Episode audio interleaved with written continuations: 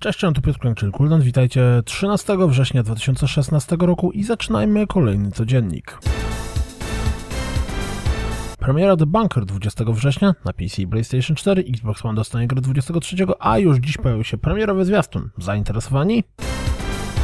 The Last Guardian zaliczy kolejną, która to już obsuwę. Tym razem gra przeniesiona została na 7 grudnia. Pojawiły się wymagania sprzętowe trzeciej części Mafii. Wtem Titanfall dostanie karciankę skierowaną na urządzenia mobilne. Rzućcie okiem na stronę Titanfall Frontline.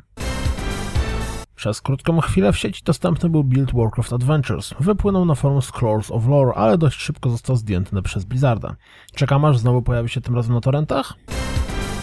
Już dziś dostępny będzie nowy update software'u PlayStation 4, który m.in. wprowadzi obsługę HDR. Xbox One S pojawi się w bundlach z Battlefieldem I, również w innych kolorach niż biały. Blizzard za pomocą ankiet mailowych sprawdza, jak użytkowniki podchodzą do płatnych DLC w rodzaju skórek czy voice packów do StarCrafta II. Co wy na to? Pokazano, co wejdzie w skład pudełkowego wydania Premium Shadow Warrior 2, a w ramach bonusa rzućcie okiem na ten 12-minutowy fragment rozgrywki. Jeśli kompletnie nie możecie się doczekać nowego dodatku do Destiny, to rzućcie okiem na fragment rozgrywki z ekipą PlayStation Access.